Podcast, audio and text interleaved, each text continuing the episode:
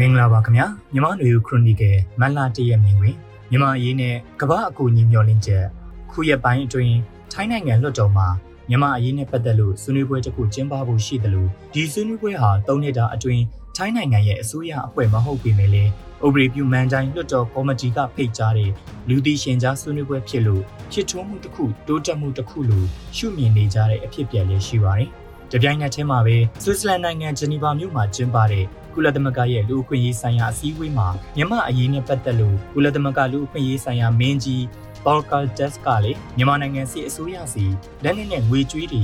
စီဝင်ခြင်းမရှိနိုင်အောင်ကြိုးစားကြဖို့တိုက်တွန်းလိုက်တဲ့အကြောင်းပြောဆိုသွားပါတယ်။ဒီအဖြစ်အပျက်တွေကမြန်မာအရေးကိုကမ္ဘာလုံးဆိုင်ရာအဖွဲ့အစည်းကြီးတစ်ခုဖြစ်တဲ့ကုလသမဂ္ဂကအရေးတကြီးဆောင်ရွက်လာကြမလားဆိုတဲ့မျှော်လင့်ချက်တွေဖြစ်ပေါ်စေပြီးနိုင်ငံတကာအတိုင်းအဝိုင်းအနေနဲ့မြန်မာနိုင်ငံကအာဏာသိမ်းစစ်အစိုးရကိုလက်နက်နဲ့စီးပွားရေးပိတ်ဆို့မှုတွေထိရောက်အောင်လုပ်နိုင်တော့မလားဆိုတဲ့မျှော်လင့်ချက်တွေလည်းရှိကောင်းရှိလာစေနိုင်ပါတယ်။ သို့ပေမဲ့လည်းမြန်မာနိုင်ငံစစ်အာဏာသိမ်းမှုဖြစ်ပွားပြီးတဲ့နောက်နိုင်ငံတကာမှာဖြစ်ပွားလာတဲ့ဥရောပနဲ့အရှေ့အလယ်ပိုင်းကစစ်ပွဲနဲ့အကြမ်းဖက်မှုနှိမ်နင်းရေးခေါင်းစဉ်တက်ထားတဲ့အစ္စရေးနိုင်ငံရဲ့ပါလက်စတိုင်းဒေသတွေကိုမြေလံရှင်းလင်းရေးစစ်စင်ရေးတွေကိုကြည့်ရင် ကုလသမဂ္ဂအဖွဲ့ကြီးဟာလူသားချင်းစာနာမှုအကူအညီပေးရေးနဲ့ကမ္ဘာလုံးဆိုင်ရာစီးပွားရေးပညာရေးလူမှုရေးဒုက္ခတဲ့အရေးတို့ကိုစောင့်ကြည့်မှတ်တမ်းတင်အကန့်အသတ်ပမာဏနဲ့အကူအညီပေးတဲ့အဖွဲ့တစ်ခုအဆင့်ကိုရောကျနေခဲ့တာထင်ရှားစွာတွေ့ရမှာဖြစ်ပါတယ်။ဒိုလသမဂအဖွဲ့ရဲ့ဩဇာက1960ခုနှစ်များကကျူးဘာကျုံလက်နက်အရေးအခင်းတို့လိုကမ္ဘာအင်အားကြီးနှစ်နိုင်ငံအကြား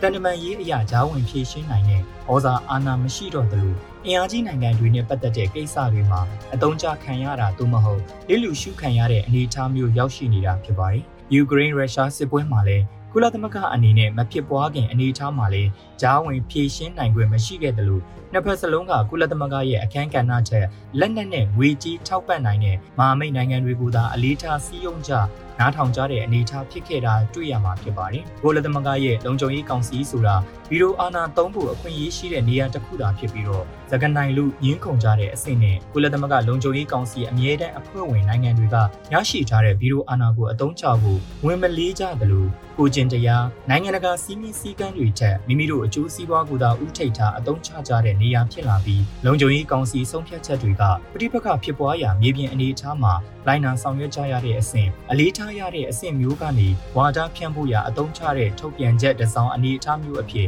ရောက်ရှိနေခဲ့တာနှစ်နှစ်ချီရှိပြီလို့ဆိုရမှာဖြစ်ပါတယ်။ဒီအချက်တွေကိုကြည့်ရင်ကုလသမဂ္ဂဟာသဘောထားကွဲလွဲမှုတွေကိုမြင်သာထင်သာရှိတဲ့စင်မြင့်တစ်ခုအပြန်အလှန်နှုတ်လန်ထိုးကြတဲ့စင်မြင့်တစ်ခုနဲ့လက်နက်နဲ့အာဏာရှိတဲ့နိုင်ငံအစိုးရတွေကခွင့်ပြုခဲ့ရင်လူသားချင်းစာနာမှုအကူအညီပေးတဲ့အဖွဲ့အစည်းတစ်ခုအဆင့်ကိုပြောကြားနေခဲ့တာဖြစ်ပါတယ်။ကမ္ဘာအနေအထားကအုပ်စုဖွင့်မှုတွေပိတ်ဆို့မှုတွေလက်နက်အပြိုင်ဆိုင်တက်ဆင်မှုတွေနဲ့1945ကနေ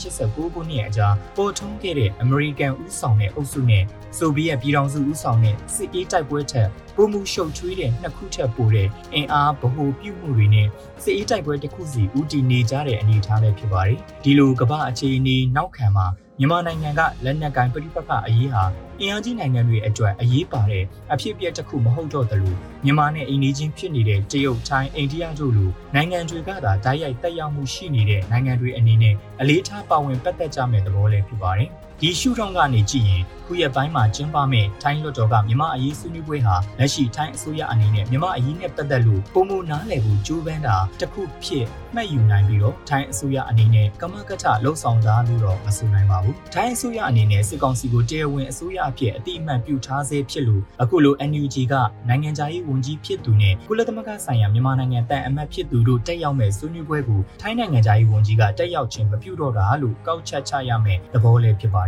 ယမန်နှစ်ကထိုင်းနိုင်ငံရဲ့ရွေးကောက်ပွဲအပြီးအာဏာရလာတဲ့ထိုင်းအစိုးရအနေနဲ့နိုင်ငံကာကွယ်ရေးတင်မကပဲနိုင်ငံရေးနေပယ်မှာပါလွှမ်းမိုးထားစေထိုင်းစစ်တပ်ကိုအတိုင်းအတာတစ်ခုအထိတတိပြုကမြန်မာနိုင်ငံနဲ့ပတ်သက်တဲ့ကိစ္စရပ်တွေမှာလှုပ်ဆောင်နေတာလို့အကဲခတ်ရပြီးတော့အခုဆွေးနွေးပွဲကထိုင်းဥပဒေပြုလွှတ်တော်ရဲ့မြန်မာအတိုက်ခံအင်အားစုတွေနဲ့လူသိရှင်ကြားထိတွေ့မှုတရဲလို့ဆိုနိုင်ပါတယ်။အိန္ဒိချင်းထိုင်းနိုင်ငံဟာလည်းဒီမိုကရေစီအပြည့်အဝရှိတဲ့နိုင်ငံရေးစနစ်တရက်အယက်သားနိုင်ငံရေးသမားတွေအပြည့်အဝစီမံခန့်ခွဲနိုင်တဲ့နိုင်ငံရေးစနစ်တရက်မရှိသေးတဲ့နိုင်ငံဖြစ်ပြီးတော့နိုင်ငံရေးနဲ့စီးပွားရေးနေပယ်မှာစစ်တပ်ရဲ့ဩဇာမှတ်မှုမှုကြီးကြီးမားမားရှိနေစေအနေထားလည်းဖြစ်တယ်ဆိုတဲ့အချက်ကိုလည်းမြန်မာနိုင်ငံကတော်လှန်ရေးအင်အားစုတွေအနေနဲ့သတိပြုဖို့လိုအပ်မှာဖြစ်ပါတယ်။ခြုံပြီးကောက်ချက်ချရရင်တော့ကမ္ဘာလုံးဆိုင်ရာအဖွဲ့အစည်းကြီးတွေဒေသတွင်းအဖွဲ့အစည်းတွေနဲ့အိန္ဒိချင်းနိုင်ငံတွေမှာလည်းအကျိုးစီးပွားတွေအခြေပြုတဲ့မူဝါဒတွေနဲ့မောင်းနှင်နေကြတာဖြစ်ပြီးတော့ဒီမိုကရေစီစံနှုန်းလွတ်လပ်မှုဒန်းတူမှုတရားမျှတမှုနဲ့မြင့်မားတဲ့ကိုချင်းတရားစံနှုန်းတွေအပေါ်အခြေခံတဲ့